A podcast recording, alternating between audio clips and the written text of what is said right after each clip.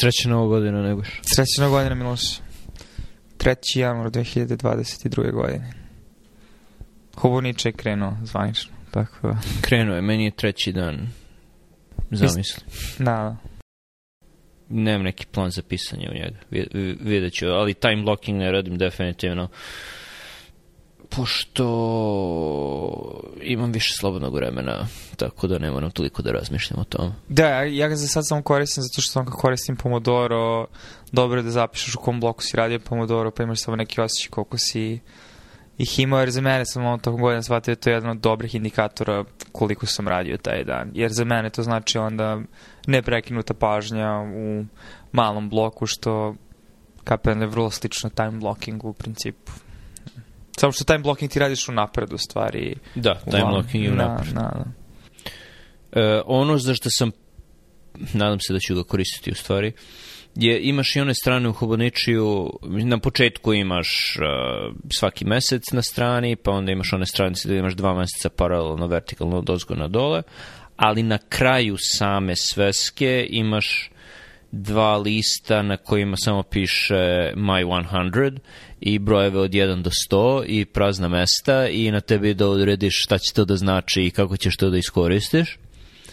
I rešio sam da na prva 22 mesta, u, upišem 22 knjige koje mi stoje na polici već duže vreme i koje je red da pročitam, tako da će mi to biti minimum za čitanje za ovu godinu, te, te 22 knjige. Što je malo više od jedne knjige mesečno, mislim da ako ne prođem kroz svi, sve te sve 22 knjige ove godine, to će mi biti lični neuspeh. Nadam se da ću 22 plus da prođem. Na, mislim, razmišljam zašto je...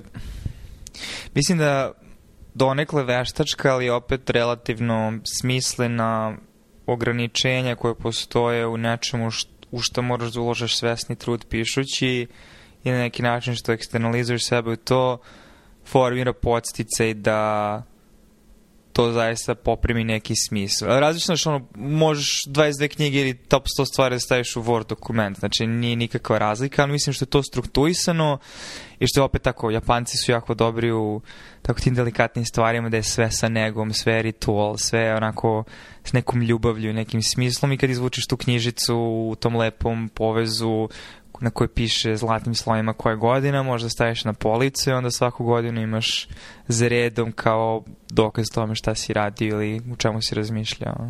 Da, imam ih od 2016. Tako da sam, pre par dana kad sam vraćao ovu staru knjigu iz 2021. na policu, video sam da se polako pravi niz koji je onako lepo izgleda jer su sve uniformne, samo sa, sa tim zlatnim brojevima koji su različiti od knjige do knjige. I kako vreme prolazi, bit će sve vrednije i vrednije, jer će na neki način biti sve ostale stvari će izbledeti, ali ovo, ovo, ovo će biti jedna od stvari koja će označavati ko si bio, šta si radio u tom nekom periodu svog života. Ono. Da, u jednom trenutku mi je bilo korisnije i naravno razmišljaš, ok, kad za 5-10 godina budem listao to, ako budem imao vremena da listam, bit će lepo, haha, ali bilo mi je i mnogo, nedavno mi je bilo odmah korisno, jer prošle godine u ovo vreme kad sam dobio COVID i kad si morao sa ovim... Uh, to si pisao temperaturu. Ep, epidemiolozima, pisao sam tvoju, svoju temperaturu, temperaturu članova porodice, da, to je okej, okay, ali kad te piti, okay, sa kim si bio u kontaktu i šta si radio prethodno tri dana kada si vjerojatno bio simptomatski prenosilac, bilo mi je lako da otvorim svesku i vidim, aha, znači, izlazio sam tad do tad, bio sam tu i tu, video sam se sa tim i tim, nešto toga nije bilo ni zapisano, ali dovoljno ti je da jedan ili dva detalje iz tog dana zapišeš i onda ti se ceo taj dan vrati u sećanje. Inače, ako nemaš apsolutno nikakvo sidro za taj dan, dan nestane.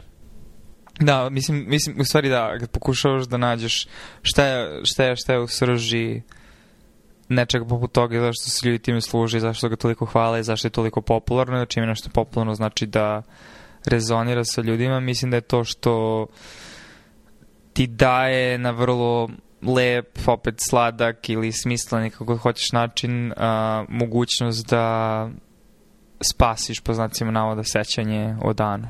Jer inače da, dani se stope jedan s drugim, radiš vikende i više ne znaš ni koji je dan, ni koji je mesec, ovako ti barem konstantno te motiviše da ulaziš u, u okviravanje, to je kontekstualizaciju svega što se dešava kroz vreme. Što je opet korisna alatka za, za nas. Mislim, za ljude generalno, hoću da kažem. Za ljude u godinama, hoćeš reći. I za ljude u godinama, pretpostavljam. Zašto godine sve više znači isto. Otko sam. Ja. Video sam i kada prođe ono, nedelju dana ne stignem ništa da zapišem, jer ono, prođe ti vremena. Da, druge stvari, i suviše si umoran uveče da, da se seti šta si radio i nisi imao dovoljno vremena ujutru da zapišeš šta ćeš raditi tog dana. Uh, Uh, I onda kad sedneš i u prvih ono minut dva, kao na što mi je prošla nedelja, ne sećam se. Moraš dobro da sedneš i da razmisliš, ali onda ti se polako vraća i tačno kad se setiš, a da, to je onaj dan kada smo gledali taj film, i onda brzo odmotaš ceo film i vidiš da si stvari radio dosta stvari u tom danu i dosta stvari si završio i onda ti je mnogo smislenija ta nedelja ako znaš tačno šta si radio, a ne da imaš blag nesan utisak da ti vreme prolazi ni u čemu. Da.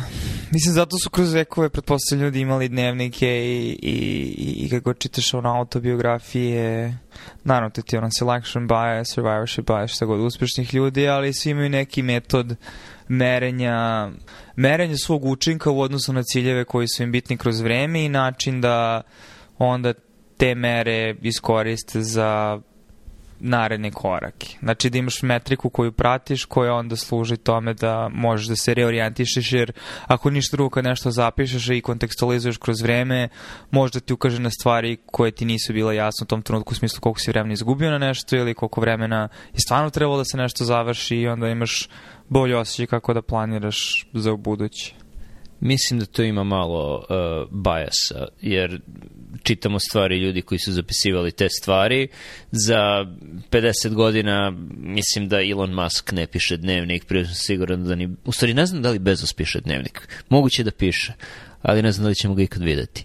Ali ima dosta ljudi koji su uspešni i koji su ostavili uh, traga u istoriji, a koji, koji nisu imali te metode na, mislim da sad otvoriš jednu drugu temu sa, sa kojom, i, i čija je jedna teza koju verujem da sad zastupaš se ja slažem, a to je da ne možeš da koristiš metrike ljudi koji egzistiraju na marginama, jer ako je nešto karakteriše sve ljude koji su na marginama, to je da su toliko različiti od populacije, a neke sredine, da tako kažem, a i toliko različiti među sobom, tako da bilo kako oponašanje bilo čega što oni rade je upitno šta je od toga zaista deo nekog dobro razređenog sistema koji ako ljudi prosečne ili nadprosečne inteligencije mogu da primene će pomoći njima u životu, a što je stvar jednostavno urođena nadarenost koja se ne stiče nego se dobija rođenjem, tako da um, nema pojente da radiš te stvari.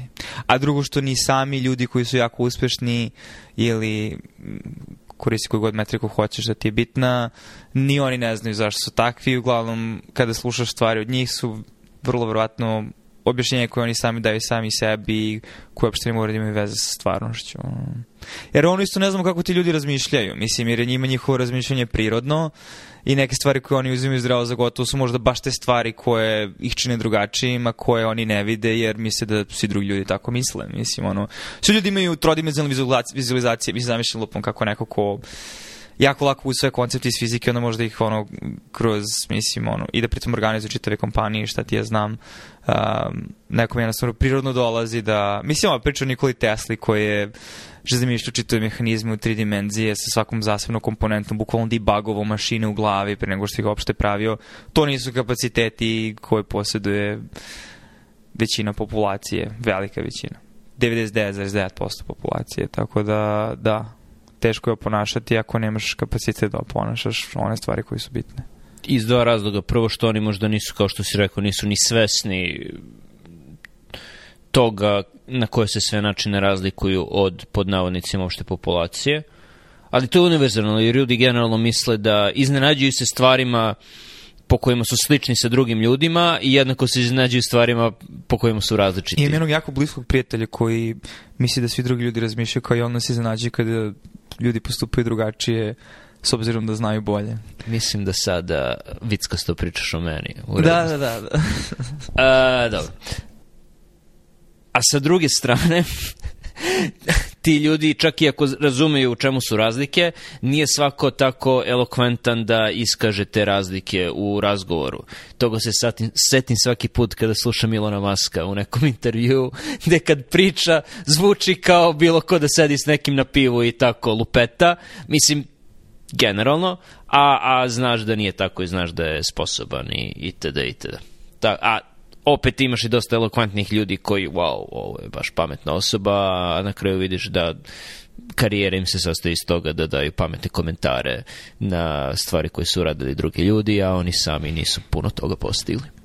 Čini mi se kao da sada pričamo o temi nečega u, čemu, u pričanju o čemu mislim da se obojica malo onako, ne gnušamo, ali jednostavno jako je dokučio i nezahvalno i uopšte da li je bitno pričati o tome, a to je nešto šta je inteligencija i koji su aspekti inteligencije, ali neko njih možda možemo da približimo, ali da, verbalna inteligencija nije isto što i drugi aspekti inteligencije koji su možda čak i bitniji za ono što možeš smatrati uspehom po znacima navoda.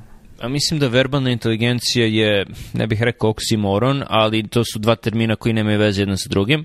Ono što ljudi kad kažu verbalna elokvencija, obično ver, verbalna inteligencija obično misle na elokvenciju, odnosno na tečnost nečijeg govora i e, misle na to kako, kako je misle na utisak koji slušaoci imaju o razumevanju nečega što ta osoba kaže.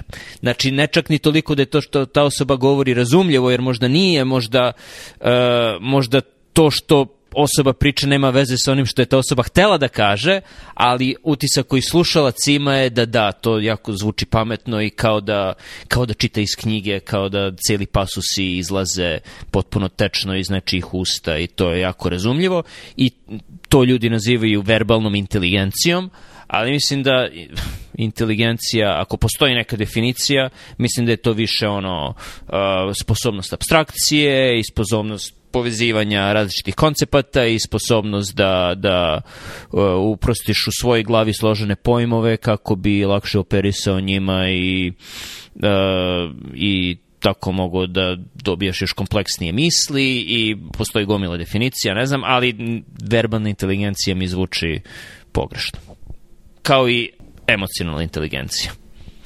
Na, na i, ok, mislim, hoću da izađem iz ove teme, nije, nije, nije mi pretrano zanimljivo, pogotovo što Ovo, mislim da nikome nije zanimljivo. Pa ti si, ti si ne, ja sam, ja sam počeo, ja sam počeo svim osjeća da idem u tom smeru, sam stao da zatvorim tu, to, taj loop, ali mislim, ono što počinjem polako da shvatam je koliko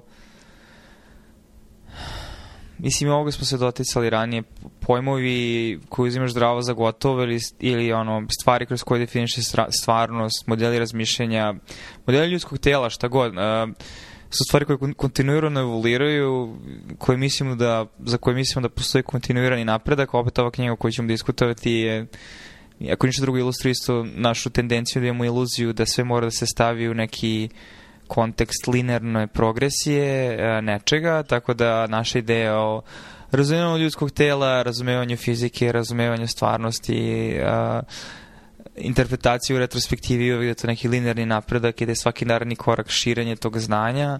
Um, ali hoću da kažem, bar što se tiče pojma inteligencije, koliko skoro se služe terminom kofer termin ili šta god, koliko svako ima u svojoj glavi šta to za tu osobu predstavlja i to evoluira i konsenzus o tome šta je to evoluira kroz naše znanje, a i koliko stvari koje koliko je teže stvari koje su abstraktne, pogotovo koje se tiču kognicije a, i opšte definisati i diskutovati o njima s obzirom da nisu objekti u stvarnosti, nego su objekti u unutrašnjem životu koje, koje, koje komuniciramo kroz jezik i samim tim su podložni toliko, na toliko nivoa nerazumevanju da na kraju više i ne znaš ono, o čemu pričaš i šta to uopšte znači i, i onako ništa drugo, barem sa određenim stepenom sigurnosti mogu da kažem da za 30 godina će se totalno različite razmišljati o tome šta je razmišljanje, šta je svest, šta je inteligencija i tako dalje, kao što se pre 50 godina, 100, 200, 300 razmišljalo o tome. Sad se vraćamo na onu temu da, da je trenutni koncept inteligencije i funkcionisanje mozga suviše povezivan sa kompjuterima i sa tim kako kompjuteri funkcionišu, a u stvari ta dva imaju jako malo veze jedno sa drugim i da, za 50-ak, 100 godina verovatno ćemo potpuno drugačije razmišljati o tome.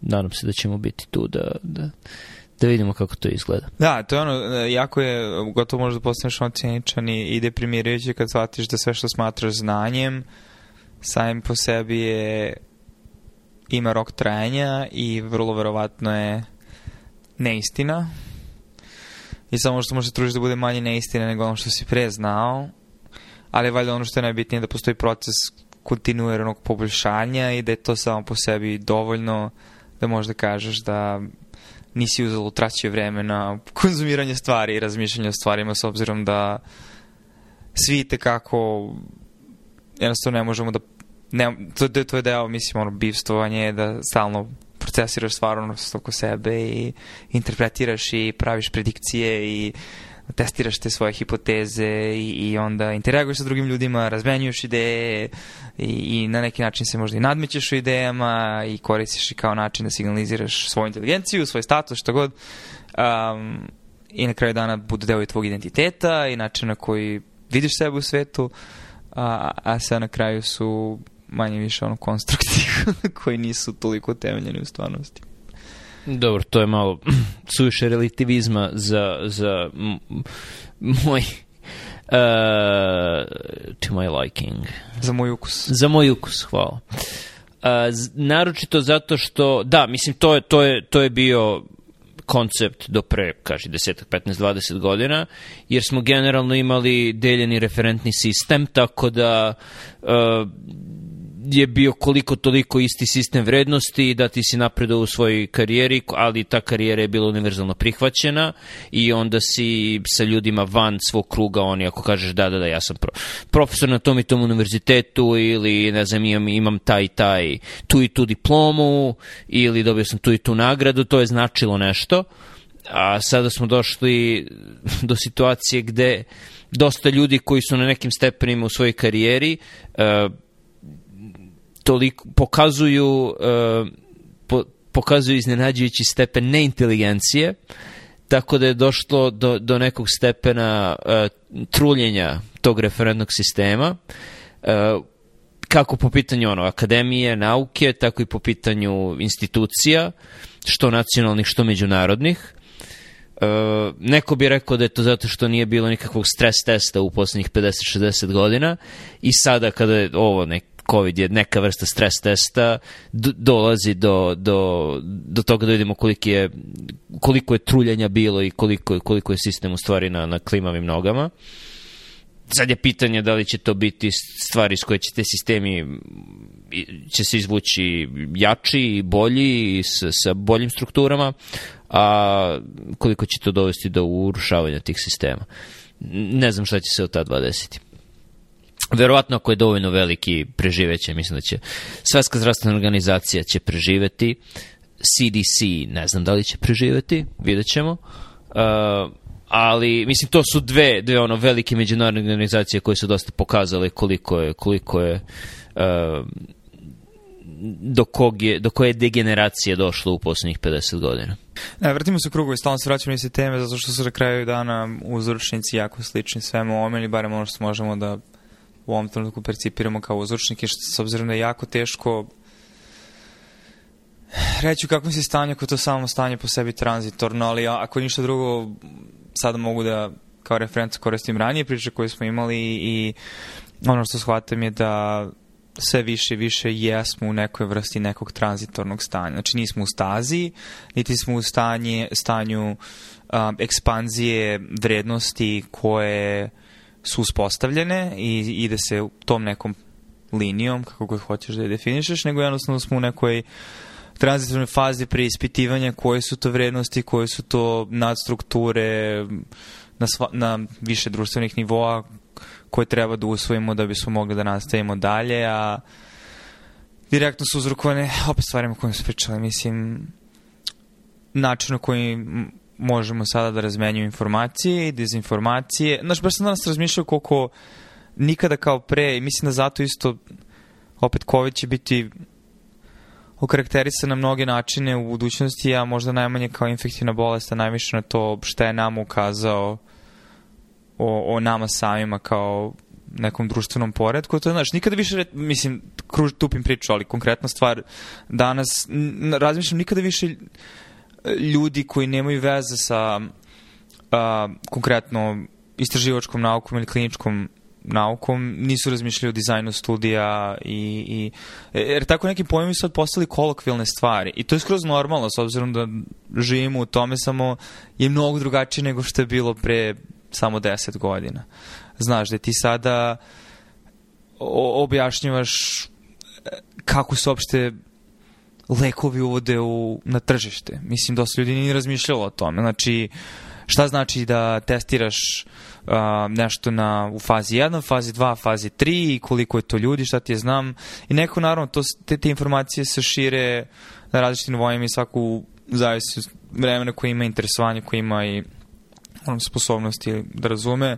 Um, u sve to na nekom nivou, ali mislim da sada više nego ikada je javno, javno pitanje uopšte kako, kako se nauka sprovodi, šta je nauka.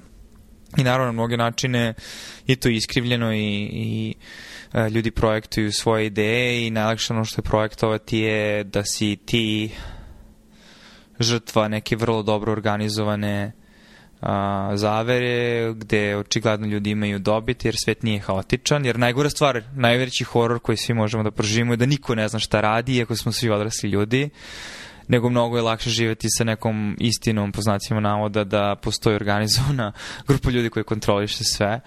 Um, naravno da postoje najboljša sastavi se svake godine u Davosu, osim ove i prošle. Pa dobro, mislim, naravno da postoje sfere ljudi koji imaju različite, mislim, znam da se šališ, ali uh, E, različite načine na koje mogu da projektuju svoje ideje i svoju moć, ali opet ti su na kraju ljudi i, i da li ta osoba ako ima neku želju ili ideju, koliko ona to može da iskomunicira i koliko se to izgubi i ta osoba će na kraju da umre, tako da mislim, ne, ne, ne vidim ja to tako. Mislim, naravno da postoje sfere utice i šta ti je naravno da je bitno na njih ukazivati jer onda možeš da otkrivaš koje su rupe u, u sistemima koje postoje, uključujući ovaj ovde, kao što kažeš, institucije su po nekim različitim vrstama pritisaka koji sada nam ukazuju na njihovu manjkavost, samim tim potrebna je potencijalna promena, ali to, znači mnogo je činioca i ako ništa drugo svet je jedno mnogo haotično mesto, a mi kao ljudi koji volimo da pričamo priče o svetu činimo ga dodatno haotičnijim.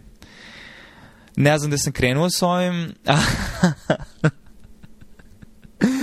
ali neka ideja da um, ja, ja, jako je taj sve jači osjećaj te neke tranzicije o tome na koji način komuniciramo, na koji način dolazimo do informacija, a, na koji način se interesujemo za stvari od lokalnog i globalnog značaja, mnogi barijere su srušene. Znaš, danas sam vidio podatak da ono, Nielsen i Spotify, Joe Rogan je najslušaniji javni mediji. Mislim, naravno, treba proveriti te podatke i vidjeti uopšte šta je u odnosu na ostale newscastove šta ti ja znam. Ali hoću kažem samo da ta stvar je nova stvar sama po sebi i, i nije postojala pre samo 5 do 10 godina. Mislim da je... Ta izjava je neutralna, nije, nije vrednostni sud na bilo koji način, samo ti kažem šta sam pročetao. Znam, to je katastrofa. Nemam dobro mišljenje o Joe Roganu, mislim da je, da je to uh, generalno jako loše, čak i to što neki ljudi koji bi trebalo bolje da znaju po ne znam, valjda po inteligenciji, obrazovanju trenutnom i koji se pretvaraju da, da, da, su, da se bave naukom, da ih interesuje nauka i dobrobit da čovečanstva. Uh, ne znam kako mogu da, da dobro, pretpostavljam da moraju da, da održavaju dobre odnose sa njim baš zbog toga što je toliko slušan i što ima toliko uticaja, ali to je čovek koji se generalno hvali svojim neznanjem, prodaje suplemente i paramedicinske naprave na svom programu i ako me pitaš da li je neto dobar za čovečanstvo, rekao bih ne. Ovo se zavisi kako interpretiraš. Da nema Joe Rogana, ne bi bilo Erika Weinsteina i ne bi bilo Lex Friedmana na način na koji sada. Ne bi bilo Vinaj Prasadova podcasta i ne bi bilo Z-Dog zašto, kakve veze prasad i Zidog imaju sa Joe Roganom? Zato što jednostavno je on bio na neki način, mislim i zato vjerojatno je najpopularniji, ali predvodnik tog long form sadržaja, podcastova. Znam, ali slušaj, ne, ne, ajde, pusti me, pusti me, pusti me, okay, pusti me, pusti me, pusti me, pusti me da završim misao koji je popularizovao taj format. Naravno da je bilo ljudi koji su se služili tim ne. formatom i ranije uvijek će biti ljudi, ali ako je neko popularizao taj format i zašto je vjerovatno da će neko slušati neki kvalitetni podcast, vjerojatno zato što je ta stvar već postala popularna. Okay. A on je deo toga. E, ovo možda ne znaš, ali imam, znaš kako u, u Knives Out filmu, Uh, ne znam kako je prevedeno na srpski, ali glavni lik u Knives Out ima fizičku reakciju povraćanja kad slaže ja imam organsku reakciju dizanja pulsa i pulsiranja ove, ove arterije ovde kada čujem nešto što mislim da nije istina. Ne mora da znači da stvarno nije istina. Možda si sad rekao istinu. Možda, možda, možda Vina i ne bi mu palo na pamet da napravi podcast da nije bilo Rogana, mislim da to nije tačno, pitaću ga kad se budemo čuli sutra. Ne, ne, ne, nisi mi razumio, ja pustim da završim, ušao si, ajde, ajde koristi sa ovom knjigom How to Think, koji deo toga je da saslušaš šta druga osoba može da kaže i da ne projektuješ šta ti misliš da će ta osoba tačno da kaže. Prepostavljam da to je jedna lekcija u toj knjizi, ne? Mislim da si rekao da jeste. Da, da tržište se razvilo zahvaljujući njemu. Mislim da Daleko to toga da bi ne prasad ne bi našao... Mislim da to nije tačno. Mislim da je tržište podcastova tipičan tipično tržište uh, Uh, kao i mislim filmovi i bilo što u show biznisu gde je ekstremistan, da koristim talibovski termin, gde će mali broj učesnika preuzeti većinu tržišta, ali to tržište bi postojalo bez obzira ko je na vrhu. Tako da mešaš uzrok i posledicu. Ok, znači sa tom sličnom tezom isprema ako grešim, ali onda možda kažeš da bi i uh, veliki broj milijardera finansiralo odlazak u svemir i Elon Musk nije bitan zato što bi neko drugi došao. Pa Bezos. Okej.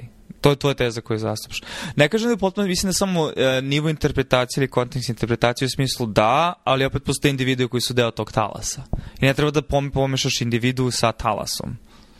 Znači, individu je samo deo tog talasa i on jeste na vrhu tog talasa po ko, procentu kolača koji ima, ali ja samo ne želim da poreknem ulogu te osobe u tom talasu. Ja apsolutno poričam ulogu te osobe u tom talasu. Ok, onda se možda tu ne slažem. Pokušaj samo provalim gde se tačno ne slažem, jer mislim da se u neku ruku na nekom nivou slažem ti, sa tobom. Ok, ti daješ Roganu, gde se ne slažemo, ti daješ Roganu, znači konkretno Rogan osoba i njegov podcast, ti misliš da je on delimično zaslužan za uspeh podcast platforme kao takve i samim tim ovim talasom podcasta koji su izašli, gde su između ostalog Vina i Zidog i ti, i ti, ti njemu daješ taj uticaj, da, da nije bilo njega, ne bi, ne bi sada bilo toliko podcastova. Mislim da to apsolutno nije tačno. Mislim da podcast, znači, ako hoćeš da me pitaš ko je najzaslušnija osoba, zašto ti ja imamo ovo, zašto Vina i Zidog, zašto Joe Rogan ima podcast, a osoba je Dave Weiner – pod jedan koji je izmislio RSS, on lično jedna osoba, nema nikakve pare čovjek, je hipik u Kaliforniji negde, on i e, pretpostavljam e,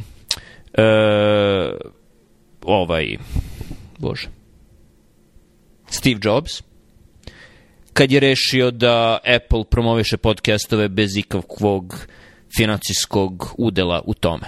Znači, to su jedna osoba i jedna organizacija koje su jedine zaslužne za uspeh podcastova. Rogan je posledica toga. Hoćeš da kažeš da RSS ne bi bio izmišljen da Dave Viner ne To je dobro pitanje. Vrlo moguće da... Hm. RSS ne bi. Postoje, postoji su drugi, postoji su druge platforme za delje, ne znam, XML i, i druge stvari, uh, ali da, RSS kao takav ne bi. Ok. Um, mislim, deo problema testiranja ove hipoteze što zahtevaju paralelne univerzume, um, ali i zanimljivo je da si izabrao, znači ako se izabere, obično je jedan podcast na koji ljudi pokazuju da ovo je zaslužno zašto su se proširili, što opet nije tačno, ali kažu da je serial podcast zaslužan za, za razvoj podcasta i mogu ti reći da ako me pitaš za Vinaja, znam da je u njegovom slučaju da, to je prvi podcast koji on slušao. Bio sam tu kad se to dešavalo, tako da, da je, obično ljudi pokazuju Serial, ali ni to nije tačno, pošto su postojali ono 10 godina pre nego što je Serial izašao i slušao sam i većina podcastova u početku su bili što kažeš, long form, ono, dugometražni podcastovi koji su bili dugački razgovori. Okay. Tako da Rogan i za to nije zaslužan. Ako me pitaš da li postoji jedan na jedan uh, jedan na jedan između Rogana i nekog drugog podcasta, to je verovatno uh, ovaj Lex Friedman, gde se tačno vidi da on ima svoj blok reklama na početku i, i struktura je slična Roganu. To je tačno. Eh, i pretpostavljam Weinstein isto. Znači on ima tako blok reklama na početku i, i onda ide i meni se to nešto ne sviđa, ali da, za ta dva mislim da im jeste Rogan uzor. Ali reći da, da je da, da, reći da je Rogan zaslužan za druge podcastove, to je kao reći da je, ne znam, uspeh Titanika filma zaslužan za sada Marvel Cinematic Universe koji imamo. Mislim, ne. Jako želim da uđem ovu diskusiju sada, zato zašto mi zanimljivo, želim da rašlanjem dalje, ali samo nemoj previše da se uzbuđuješ. Ovo... ja vidim da Rekao sam ti da je to organska okay, reakcija. Ajde, ajde, da to da je organska reakcija. Da, možemo napravimo pauzu da organska reakcija prođe. E, jer, opet, mislim da nije toliko da se ne slažemo, znači na osnovu ovoga što sad čujem, koliko mislim da nisi u potpunosti ili ja se nisam u potpunosti donio dobro izrazio i probat ću ponovo. Uh, mislim da postoji razlika između podcasta poput Radiolaba i Seriala i koje smo mi slušali u smislu načina produkcije i samog formata. I formata podcasta koji sada postoji, a to je gde i koji opet u velikoj meri akcelerirao COVID-om, s obzirom da ljudi imaju sada mnogo lakše načine da se uključuju jedni kod drugih, mogu da završim i da si opet krenuo imaš reakciju. Ili... Imam reakciju jer mi se čini da znam šta hoćeš da kažeš, ali molim te nastavi. Ajde, pusti ti, možda ćeš ti iznenadi. Da, da, nastavi. Ajde, iznenadi me. Hoću kažem da je format podcasta evoluirao ka tome da imaš ljude gde jedan na jedan gostuju jedni kod drugih i da imaš epizodu po sati po, dva, tri, gde se diskutuje na neku temu. Da li je Joe Rogan to izmislio? Diskusiju između dvoje ljudi po nekoliko sati? Ne. Ne da li je Joe Rogan uh, jedina osoba i da, i da njega nije bilo, i to se slaže s tom, da nije bilo njega neko drugi bi bio. Ali isto vreme onda možda povučeš tu tezu na to da opet jeste taj sam format po sebi obojen čitavom tom situacijom koja ono preko nekog efekta algoritama na socijalnim mrežama i tako dalje omogućila da te stvari budu popularizovane. Ne, opet mi, opet mi puca arterija Hoćeš da- ovde da, hoćeš da pulsira, temu. Onda. Zato što, ne, ne, ne, zato što moram da te edukujem ovde. Okay. Uh, e, prvi podcastovi koji su bili jako uspešni i jako slušani nisu bili Serial i Radio Lab i hiperproducirani, našminkani razgovori, intervjui i priče, već uh, jedan podcast koji dalje slušam, slušam ga ono 2008. čini mi se, ili 2006. kad god sam prvi, kupio, prvi put kupio iPod. Zove se The Talk Show, koji vodi John Gruber. Već ono, 10 plus godina. Njegove emisije su po 2 sata, 3 sata, i to je jedan od prvih podcastova. Znači, kad gledaš spisak podcastova koji su indeksirani na, na Apple onom indeksu podcastova, to je, pretpostavljam, jedan od prvih 100 koje je Apple indeksirao.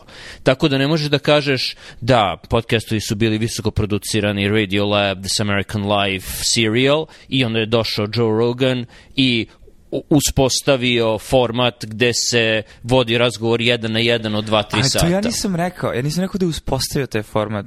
Rekao sam da je u velikoj meri doprinuo popularizaciji tog formata. To su dve različite stvari. Da osoba koja nikad, nikada da nije slušala to je kao što si slušao 2008. je sada to, to normalna stvar da to svako radi I, i ok, možemo se uh, ne slažemo kod toga i ovo su stvari koje su nemerljive koliko jedan individ uopšte može da ima utice svema tome paralelnu diskusiju možda imaš i u nauci ili na bilo kojoj drugoj grani gde ono se odvija kontinuirana komunikacija i koliko, ko je koliko čemu doprineo i da li bi se do nekih ideja došlo nezavisno i zašto ljudi dolaze do istih ideja paralelno. Mislim kao ovaj bullshit što smo pričali o blockchain nauci, šta ti ja znam, meni je totalno logično da je neko krenuo to da radi zato što je ideja koja je bilo pitanje vremena kad će neko da spo, spoji dva i dva. Znači nije u tome poenta, mislim. Ali hoću da kažem da ti si rekao da je Serial bio inspiracija mnogim ljudima, samo sam ja to podvučem crtu da podcasti sada su drugačiji nego ranije i da je bilo formata koji nisu bili Pa, tome, tome bode kao jaka neistina, da kaže da su podcasti sada drugačiji nego ranije, ne. Znači, Rogan po, po je nastavio tradiciju podcastova. Ne, ne, ne, ne, ali po popularnosti. Znači, koji su bili najpopularniji podcastovi 2010. A koji su bili najpopularniji 2006. Talk show koji je bio dukotrajni jedan na jedan razgovor od 2-3 sata. Dobro, okej. Okay. Razumem, ali okej, okay. mislim... okej. Okay. Znači, kroz većinu istorije podcastova najpopularniji format bio je razgovor jedan na jedan, obično između dva bela sredovečna muškarca, što je Joe Rogan, to je tradicija koju je Joe Rogan nastavio, koji su trajali po sati po dva, tri. To je kroz većinu istorije podcastova bio najpopularniji format jako kratko je Serial se probio tako da većina ljudi je onda skinula ove aplikacije za slušanje podcastova i onda su, ok, čuo si za Serial, koje još podcastovi postoje, o, razgovor dva sredovečno bela muškarca od 2-3 sata. Hajde da čujem Dobar, kako to zvuči. O, slažem se, I slažem onda se, je to... Mark Maron je bio popularan njeno vreme jako i on je imao sličan moment, znači bili su komičari, tako da da, možda tako kažeš da, je da to, da su svi oni Da nije bilo Rogana, neko drugi bi u to winner take all igri pobedio i onda bi to bio najpopularniji Dobro, i onda bi ti rekao... Je, zašto je on najpopularniji sada? Čista sreća. Okej. Okay. Čista, to je, znači, kao, to je, to je ono tipično algoritam gde postoji kontinuirana varijabla, ali ako promeniš za 0,1%, postoji diskretna promjena koja se potpuno razlikuje. To, to je tipično, to je apsolutno čista sreća, potpuno nasumično. Okej. Okay. Mislim da nije zbog njegovih velikih intelektualnih sposobnosti definitivno, čak ni zbog njegovih dobrih veština intervjuisanja sagovornika, ali u jednom trenutku dobiješ dovoljno, veli, dovoljno veliku popularnost da možeš da dobiješ dobre sagovornike i to je to je mašina koja, koja kad jednom krene ne možeš da je zaustaviš. El Facebook čista sreća. Da li je Facebook čista sreća? Ne. Facebook je uh, nedostatak skrupula. Ne, zašto, slaži se tim da, naravno, mislim, ono, power law, pareto princip, kako god, znači, jednom kad pokreneš grudvu, jako je teško, ali opet mislim da je bitno što je... Ali on... ne, zanimljivo mi, izvinim što te prekidam, zanimljivo je što si uporedio Rogana kao jedan podcast sa Facebookom koji je platforma. Uh, nemoj, znači, ne, ne mogu potpuno da se porede. Ajde, ajde jer... kažem zašto ih poredim. Mm -hmm. Koji je kontekst? Um, socijalni mediji I znači kad si imao Friendster, MySpace, šta je bio High Five, znači to je bilo ono druga polina 2000-ih do 2010. Facebook izlazi otprilike znači u to vreme, krajem druge polovine. Znači kad je krenulo sve, mislim, ono. Ovaj, zašto je na kraju MySpace propao, zašto je Friendster propao, zašto je Hi-Fi propao, zašto je Facebook opstao. Znači, da li misliš da je to bila sreća ili je bio nek, to hoću da kažem, u kontekstu nekog domena gdje imaš više ljudi koji, više entiteta koji kompetiraju za tržište, ko postane winner takes all. Ne, ne možeš tako da porediš zato što uh, podcast ili ako izdaš film ili ako se baviš muzikom nemaš toliko stepeni slobode koliko imaš kada praviš novu platformu. Znači, borba između platformi ne može da se poredi sa borbom uh, E, takmičara u okviru jedne iste platforme.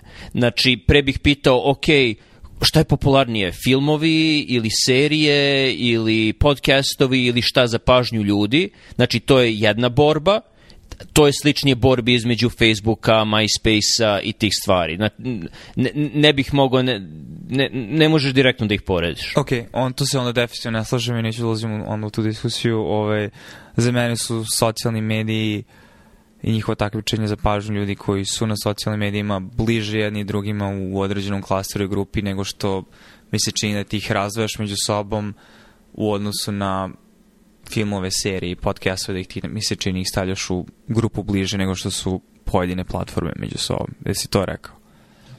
Ok, ok, onda, ali ne želim sad ulazim u to, mislim u da, smislu... Da, a, a, da li hoćeš da ti dam svoje obrazloženje? Ok.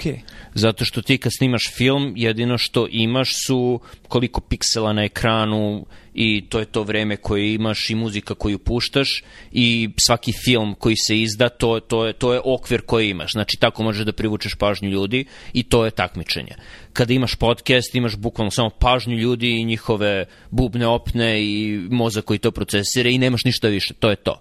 Ali kad imaš društvenu mrežu, ti imaš uh, različite metode pristupa ljudima, imaš različite stvari koje im pružaš, da li je to samo direktna komunikacija jedan jedan između ljudi ili su to i aplikacije koje im daješ ili su to i, i programi, i igrice koje puštaš, znači u nekom trenutku u svom razvoju Facebook je bio uh, krenuo je od samo direktnog metoda povezivanja ljudi, pa je onda postao način za deljenje fotografija i iskustava ljudi, pa se onda pretvorio u aplikaciju gde ljudi igraju različite igrice, pa se pretvorio u e, na ovo poslednja iteracija je mm, mašina za deljenje vesti. Znači stalno je evoluirao. Ima, imam do, mnogo više stepeni slobode i, i prostora za transformaciju od podcasta ili filma ili serije. Ok, mislim da malo bolje razumem što hoćeš da kažeš i da ima smisla stepeni slobode. Znači, koliko konzumer, znači potrošač u određenom domenu, znači ima kuka na koji može da se zakači za neki proizvod. Iako taj proizvod ima jedno ime, taj proizvod ima mnogo možda kažeš strane ili čega već onako je neki trodimenzionalni objekat i svaka od njih je dovoljno zasebna da možeš da svrstaš u zasebnu kategoriju, a sa druge strane um, opet dovodi ka tome da potrošač povećava ono što je bitno, a to je svoje vreme na pošto on u svim mojim proizvodima je vreme koje provedeš radeći nešto, konzumirajući nešto, gledajući nešto i u tom smislu kroz tu prizmu da mediji mogu da se svrstaju u neku bližu kategoriju. Ok, mislim mogu nešto hoćeš da kažeš, možda socijalni mediji, možda, nisam previše razmišljao o ome, tako da, ali um, možda nisu toliko dobar primjer. Ali mislim, suština samo da se vratim na ovo, ok, mislim, mogu da vidim odakle dolaziš, ali hoću samo kažem da, ono, on, elephant, elephant in the brain, šta god. Znači, nije ni u ovoj konverzaciji ja volim Joe Rogana, ti ne voliš Joe Rogana, pa se sad oko toga raspravljamo. Stvarno nije, ja nisam njegov obožavalac. Ali istovremeno ne želim da umanjim um, činjenicu da čovek, razumeš, koliko epizoda snimio u prethodnih, ne znam koliko godina. I, mislim, ali to je, znači, da bi uspeo u tome i da bi pobedio taj algoritam, ti stalno moraš da radiš i stalno moraš doviš da ljude koji su dovoljno zanimljivi da može algoritam da ih pokupi, da će oni biti viđeni ali ok, mislim da ajde da samo završimo na tome i, i mislim da ćemo se obojca onda složiti oko toga neslaganja je da se suštinski ne slažemo oko doprinosa te jedne individue čitavom istorijatu stvari. Je li to okej? To je, to je okej, okay. da. No. Da. To, je, to je suštinsko neslaganje. Da, da, da. On je posledica, ne uzrok. Okej, okay. okej. Ja ga više vidim kao posrednik, ali ovaj, mislim da, da se tu naslažemo. Nije ni posrednik. Bilo, bilo, bilo bi... U nekom drugom svemiru je, je ili univerzumu, ili svetu, je, je kako se rekao, Mike Maroon, je Mark možda, Maron. Maron, da. Možda je on popularniji od Rogana i možda on ima koherentnije misli od, od uh, eh, ovo koji prodaje suplemente. Dobro, ali Eric Weinstein prodaje suplemente. Mislim, ne, pa si ga, nemam pa neko pa si dobro da mišljenje. Da ga ne, poslušao sam par epizoda, nemam, nemam više neko dobro mišljenje o njemu. Ok, mislim, ja nikad nisam ni ali, ali mislim, i dobro. Ali ono što mislim, ovo je stvari konverzacija koju želim da imam sa tobom, samo mislim da mora da bude ono u, u, u dobrom trenutku i dobrom raspoloženju, ali to je nešto sa čime ja sam sa sobom se borim, a mislim da postaje sve bitnije, ali neki način se nadovezuje na ono što, o čemu smo pričali skroz na početku, da ne ispane da idemo skroz ono, u neke kućine, a to je ta tranzicija i, i, i, i, i razlaganje šta god, institucija, referentnog sistema, kako si naveo, um, se isto vreme svodi na to da uh, niko nema sve vreme ovog sveta da konzumira sve stvari. Niko nema vreme, sve vreme ovog sveta da postane ekspert u svakom polju. A količina znanja, uprkos svim nedostacima ono, ljudskog društva koje usvajamo, se uvećava. A, I gotovo neizbežno je da ćeš se oslanjati na mišljenja drugih ljudi ili interpretacije drugih ljudi stvari. A, jer ono, ni ti ni ja nećemo praviti hidrogenske rakete, nego ćemo da verujemo neko koji ih napravi, videti da je raketa ispaljena, da to radi. Ili ni ti ni ja nećemo da približi malo bolje a, određene miševe stavljati u kulturu, ali kad pročitamo ne, a, e, određene miševe stavljati, mislim, ono, u vivariju, mislim, i, i gledati, meriti tumore i šta god, ali kad budemo čitali neki rad, verovat ćemo da su ti ljudi koji su objavili taj rad pokazali da knockout ovoga radi nešto, jel tako?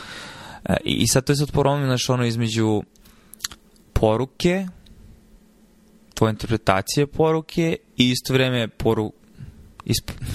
glasnika, kako god hoćeš da ga nazoveš, kreatora poruke um, i toga da mislim da su dve stvari povezane, a to je naše rastuće i opravdano nepoverenje u institucije i naše rastuće opravdano i sa moje neke tačke gledišta i kao zašto se to nije ranije desilo, um, subtilnije posmatranje uloge svake individue, pogotovo ljudi koji sebi daju za pravo da budu prominentni u javnom oku, um,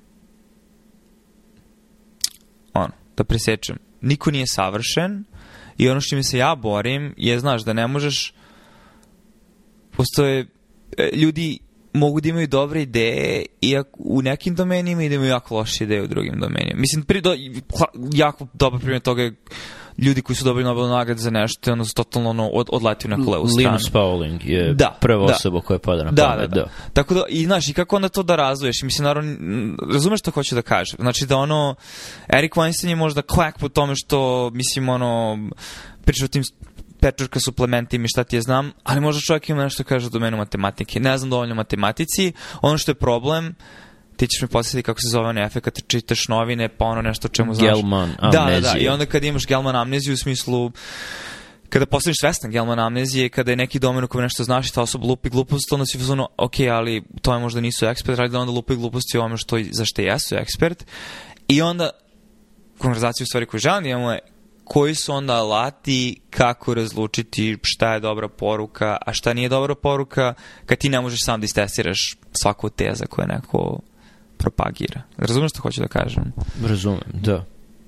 Ok, jesi, mislim, jel ti padalo to na pamet? Zašto za mene sad, pogotovo, kako god je prominent, u nekom trenutku ćeš naći nešto da im zameniš, nešto što su lupili. Mislim, mi lupamo gluposti non stop mislim na ovome, tako da to. mislim na, i nije kao da mislim, uopšte ne smatram da su mi bilo kakav relevantan izvor informacije ali um, Nadam se da nisam. Da, da, mislim dobro, ok, ajde sad da se malo ogradim, ipak naš, u nekim domenima naravno što se tiče interpretacije kliničkih studija, tako to, mislim, verujem da obojci imamo veći stepen znanja, spoznaje nego mislim ono ljudi koji Osoba se ne, ulice, ljudi da. koji se ne bave time, što je okej. Okay. Mislim zašto ne želim da kažem isto kad pričamo o nečemu što se tiče vakcine i kovida, da lupamo u potpunosti gluposti, čitamo literaturu, mislim i razumemo literaturu i prošli smo kroz određene treninge, tako dalje, tako dalje.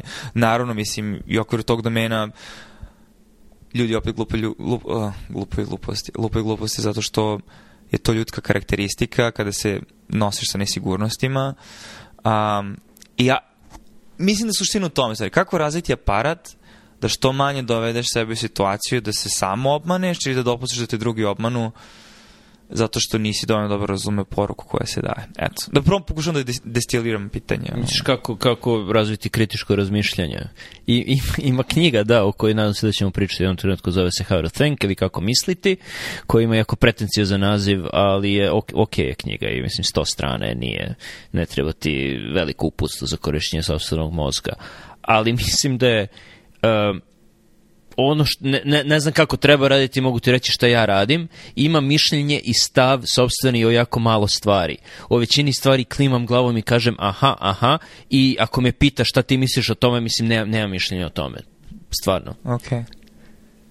Možda će ti biti teško da to poveruješ, Nebojša, ali za većinu stvari nema mišljenje. Za već, ne, ne, ali ne, pričamo o stvarima o kojima nema mišljenje. To je, okay, zato to je uglavnom onda, čutim. To je, to je selekcija. Ne, to si upravo. Ne, nisam fair. Mislim, sad se malo, sad sam više onako malo um, Ali, ali šalu. o stvarima o, koja, o kojima ima mišljenje, imam jako mišljenje. Okay. Da, I mislim da to si upravo pokazao ovom konverzacijom. Znači, to, to definitivno. Mislim, u smislu, razumem da imaš jako mišljenje o to Znači, nije kao nešto, neka, neka od drugih konverzacija i razumem zašto imaš tako mišljenje. Želim da razumem još zašto imaš tako mišljenje, jer ti posjeduješ informacije koje ja ne posjedujem. Tako da, ovaj... A, dobro je zato što onda ja mogu da modifikujem i svoje razmišljenje, da nađem svoje neke ono a, slepe mrlje. Ali da, znači kako, mislim da je to, znači da se ne držiš čvrsto ni jednog verovanja, uh, kako ono, foxes, je, je, je taj model slično? Da, ono, da, znači... lisice i ježevi. Da, da. E, jež na jednu stvar, lisica zna mnogo stvari. Da. E, to je, pr prvo sam to video od Venka Tešarao čitao, a, to je, ali ne znam gde je to, to je neki, da li Ezop ili neko je to napisao. E, u smislu da Ješ zna jednu stvar, zna kako da se sklupča i da napravi loptu i tako se brani od neprijatelja, ali lisica koja ima puno različitih plenova i mora da razmišlja o puno različitih stvari, ona zna puno stvari. Uh, šta, kakve to ima, ima veze sa mišljenjima, znači e, ako imaš stav o nečemu ili ako si ukćeš reko polje, može da budeš ili lisica ili jež. Jež si ako imaš čvr, jaka mišljenja kojih se slabo držiš, znači imaš uh, jako razvijenu epistemiologiju u svojoj glavi i jako razvijen sistem vrednosti, ali si spreman da ga potpuno napustiš ako vidiš signale da, da to nije u redu i da treba da napraviš neki novi sistem vrednosti. A lisica zna puno stvari kojih se, sla, znači lisica ima puno mišljenja kojih, kojih se, ne, čekaj. Mislio sam da je obrnuto, da se jež drži jako, a lisica drži slabo. Pa da, da, da. Lisac, Aha. da. Ok. Uh, mm, ne, ne, ne, jež se ne drži jako, jež se drži slabo. Znači, strong opinions weakly held, to je jež. Weak opinions strongly held, to je lisica. Okay. Lisica nema potpune sisteme vrednosti, ona zna pomalo o svemu, mm. ali te stvari koje zna pomalo o svemu, to jako čvrsto drži. Znači, okay. neće da menja to pomalo o svemu što zna. E, uglavnom, ljudi koji su uspeli u akademiji su ježevi, znači koji imaju puno puno stvari koje znaju, ali se oni generalno nisu ni ježavi, nego ih Venkatešava opisuje kao kaktuse, imaju jako razvijene sisteme vrednosti i ontološke, epistemiološke sisteme koji, koji neće da puste bez obzira šta se desi. A, i opisuje još i lasice, ljude koji nemaju mišljenja ni o čemu i jako brzo napuštaju sve, tako da imaš u stvari onaj 2x2 kvadrant koje Venkatešao voli da pravi. A, i postoji vrednostni sistem. Znači, to ono što pokušavam da vidim da li je implicirano, da li postoji vrednostni sistem, znači, hirarhijski, koji je model ili jednostavno svaki od modela primjenjiv za različite situacije ili kako je to, da li je to uopšte primjenjivo na konverzaciju koju sada imamo? Mislim? Ne, jeste. Zato što... Hm, ok, o, o, o, ja bih tu sebe opisao kao lisicu, u stvari ne kao ježa, jer nemam objašnjenja za sve i, i ne znam. I, par stvari, par mentalnih modela koje imam u glavi. Mislim, to mislim da je tačno i, i gledam stvari kroz tu prizmu, ali te stvari, to što znam, ne objašnjava ceo svet. Dok imaš ljudi koji, mislim, tipičan primer je osoba koja izučava neki mehanizam molekularni, ne znam, komplement, na primjer, da navedem jednu, jednu osobu koju znam sa Hopkinsa, i onda bilo koja bolest da se radi, da, da, da, to je bolest komplementa, to je, sve ima veze sa tim, sve gledaš kroz tu prizmu. Znači, to, to, je, to je suprotni, suprotni sistem vrednosti. Da. Jer to ono, mislim, borim se sa time zato što ono, ja suštinski ne znam kako pristupam, ali ako ništa drugo sad, kako vreme prolazi, sam svesni, barem malo toga da treba naći neki način kako pristupati, jer sam uhvatio sebe da prerađujem gomilu stvari za koje sam verovao, da su tačne, čvrsto, i samim tim to sad uvodi neki nivo sumnju sve to i onda idući napred u stvari nove stvari, što više novih stvari u svem hoću da kažem da ih se sve slabije držim i spremni sam da ih promenim znajući koliko sam morao da razrušim stvari od ranije. Ako to ima smisla. To je više sistem vrednosti ježa. Mm. Ne ja znam. Mislim, opet, ovo je sve neka tranzicija, ovaj, ali na neki način vidim da je šta ima čvrst sistem vrednosti, ali se drži, ali brzo menja mišljenje da. kada dobije nove informacije. Da. Da, ne znam, ali opet ne znam ni koji sistem vrednosti. Mislim, osim ono, šta možeš da sa određenim stepenom sigurnosti testiraš u stvarnosti. Um, ali to je, zato sam teo da pričam o tome u stvari. Jer... Da, mi, mi, mislim da je ovo vreme lisica, ne vreme ježeva, iskreno, jer se stvari toliko brzo menjaju da ne možeš iz početka da gradiš potpuno nove sisteme razmišljanja svaki put kad dođe nova informacija, okay, jer razumem, puno okay, novih informacija da, da, dolazi. Treba, treba, ok, nije, nije fair ja da pričamo, da, da pitamo o ome kada ni sam nisam u potpunosti upoznat sa konceptom kao takvim i da ti treba sad iz glave da ga izvučeš u dva Niti sam ja skoro čitao ovaj Da, da, da, tako da hoću se, vratit ću se svakako na to, e, jer to je u stvari nešto što pokušavam da shvatim je Znaš, ko, ovo je sad više ona metakognicija, znači koji model razmišljanja treba usvojiti da bi što lakše uhvati u sebe i drugi u laži, svesno i nesvesno i obmani, šta god. Da, da bi što manje patio te boljke, ono, znaš, da ne uletiš u nešto da postane to deo tvog identiteta i da zbog tog mišljenja onda kasnije, mislim, ono, praviš gluposti u principu. Mislim, mislim da to niko od nas ne želi, a jako je lako sada, možda i više nego ikada, s obzirom na količinu informacije koje posjeduje, uleteti, koje postoji, uleteti u ono, polarne suprotnosti između a, ništa ne možemo da znamo i ne, ovo što znam to je istina, ništa više drugo nije istina, sve drugo što čujem protiv toga je neistina a, i, i kako interpretirati, a opet da se vratim na individue, kako onda na koliko nivoa interpretirati osobi što ona govori, jer ono, što više shvataš da sve više ljudi kojima se i diviš i, i koje, poput Joe Rogana, ovo sad namjerno kažem. da ti iznervim.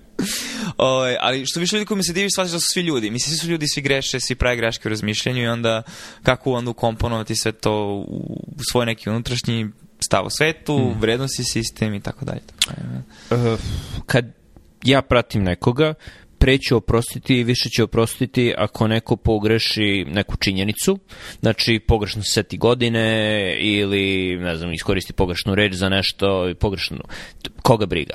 Ali neće oprostiti ako neko napravi grešku, očiglednu grešku u razmišljanju. Uh, primer koji mi odmah pada na pamet je britanski istoričar Neil Ferguson, koji je relativno skoro, pre par meseci je imao intervju sa Cowanom, i rekao je nešto na temu, pričali su o civilizacijama i kao Ferguson je rekao, mislim on je možda jako dobar istoričar, ne znam, pisao je dosta o Churchillu, britanskoj istoriji trala, ali onda je rekao nešto tipa, uh, da, da, dosta ljudi kaže, ima dosta ljudi koji Uh, su jako pesimistični po pitanju civilizacije, misle da će, ne znam, ili veštačka inteligencija pokoriti čovečanstvo, ili ćemo se samo uništiti, ili će pasti kometa i onda ima dosta ljudi koji su uh, dosta optimistični, koji misle da će ljudi pokoriti uh, sunčev sistem, da će se širiti kroz galaksije, da će ono singularitet, šta god. I onda je rekao da i, i istina je očigledno na sredini, tako da se ne brinem previše o tome, jer će vjerovatno biti nešto između. Mislim, to je toliko neverovatna greška u razmišljanju da ja nemam reči, jer to što imaš 50% katast šansu za katastrofu i 50% šansu za nevrotan uspeh ne znači da će u prosehu biti nešto između, nego znači da će jako male stvari koje radiš moći dosta da utiču na to gde će čovečanstvo završiti. Tako da umesto, umesto uh, pot, complacencija, kako bi pravao complacency, umesto konformizma. konformizma, ravnodušnosti po tom pitanju, treba sa tim znanjem da postoji 50% šanse za katastrofom, 50% za jako dobrim ishodom, da budeš još energičniji u tome, da guraš ka dobrom ishodu, jer će čak i tvoja, tvoj mali doprinos tom pitanju moći da napravi ogromnu korist. E, a vidiš, to je baš zanimljivo, što smo, pričali smo o ome, ne znam da smo pričali na podcastu, ali e, baš smo skoro o tome razmišljao kako je bitno u stvari razlučiti koju funkcijom se služiš kada posmatraš određeni fenomen i mislim da česta greška koju ljudi prave uh, pogotovo ako, se, ako ih je neka funkcija, da li svesno ili nesvesno, ali ih je služila u određenom domenu njihovog znanja, onda oni su tu funkciju primenjuju na ostale pojave, pogotovo ako su u pitanju društvene pojave, u smislu, znači da li je eksponencijalna funkcija, da li je linearna funkcija, um, da li je ono, znači, funkcija koja uh, ono, za 99% vrednosti x i y ono, blizu nuli, ali onda za ono 1% vrednosti prelazi u drugu, tako da bukvalno je 0 i 1. Uh, ili oko što ti kažeš, znači da ono, imaš vrlo ekstremne vrednosti i samo dva ishoda, da ne postoji uopšte distribucija verovatnoće ishoda. Um, I to nekako sam počeo da intuitivno shvatam, mislim zašto ima veze i sa naukom, zašto ne možeš stvari koje vidiš na ćelijama i funkcije koje postoje na ćelijskim kulturama i u, na miševima da primeniš na individua, kamoli na populacije i na društvene pojave, a mislim da to je česta greška koju on, svi pravimo. I onda u stvari da je pravo znanje identifikovati kakve su te funkcije, u stvari naći način identifik, identifikuješ koje su to funkcije. I mislim kad smo pričali o tome, su stvari pitao da li o tome pričaju na RWRI i nekako sam slutio da. o tome pričaju na, na Hoćeš da objasniš šta je RWRI za kraj? Real World Risk Institute je mm. seminar koji je nekada trajao dva dana, sada traje, mislim, nedelju dana. Sada je samo online koji Nasim Taleb i još par ljudi vodi dva put godišnje. I ja sam bio na prvom virtualnom tom seminaru i jako je korisno jer da, apsolutno se o tome priča. Uh, treba ti jako malo matematičkog znanja, više pomaže, ali nije neophodno. Čisto da znaš koji, koji koju distribuciju verovatnoći da primeniš u kom trenutku i da znaš kako da to matematičko znanje funkcija i ono što se meni stvari najviše sviđali iz srednjoškolske matematike, opise funkcija, asimptote, limese i te stvari, kako da primeniš u konkretnom životu i na kojim primerima i šta to u stvari znači. Tako da je to jako korisno. Ali da se vratim na priču o Fergusonu. Znači, to mi je primer osobe kada pričamo o evaluaciji ljudi kojima treba verovati ili ne. Da, ako mi treba podatak o tome šta je Churchill radio 46 o, ok, možda ću, možda ću konsultovati ono što je Ferguson pisao, ali za bilo kakvo dublje razmišljanje ili čak interpretaciju istorijskih događaja ne bih toliko verovao njegovom sudu i razmišljanju tako da mi je to dobar, dobar litmus test. A način da to postigneš je, čini mi se da, da čitaš stvari poput onoga što je Tale pisao, eh, ljudi generalno koji pišu o kompleksnim sistemima, uh, čitaš Raoa, ljude koji su pokazali da, da mogu da, da razmišljaju ako baš i ne barataju toliko dobro činjenicama. Taleb ne barata super činjenicama, ali da se ispraviti. Uh, Uh, i onda da, da sa tim nekim arsenalom alata koje imaš da, da, da vidiš kako drugi ljudi barataju time.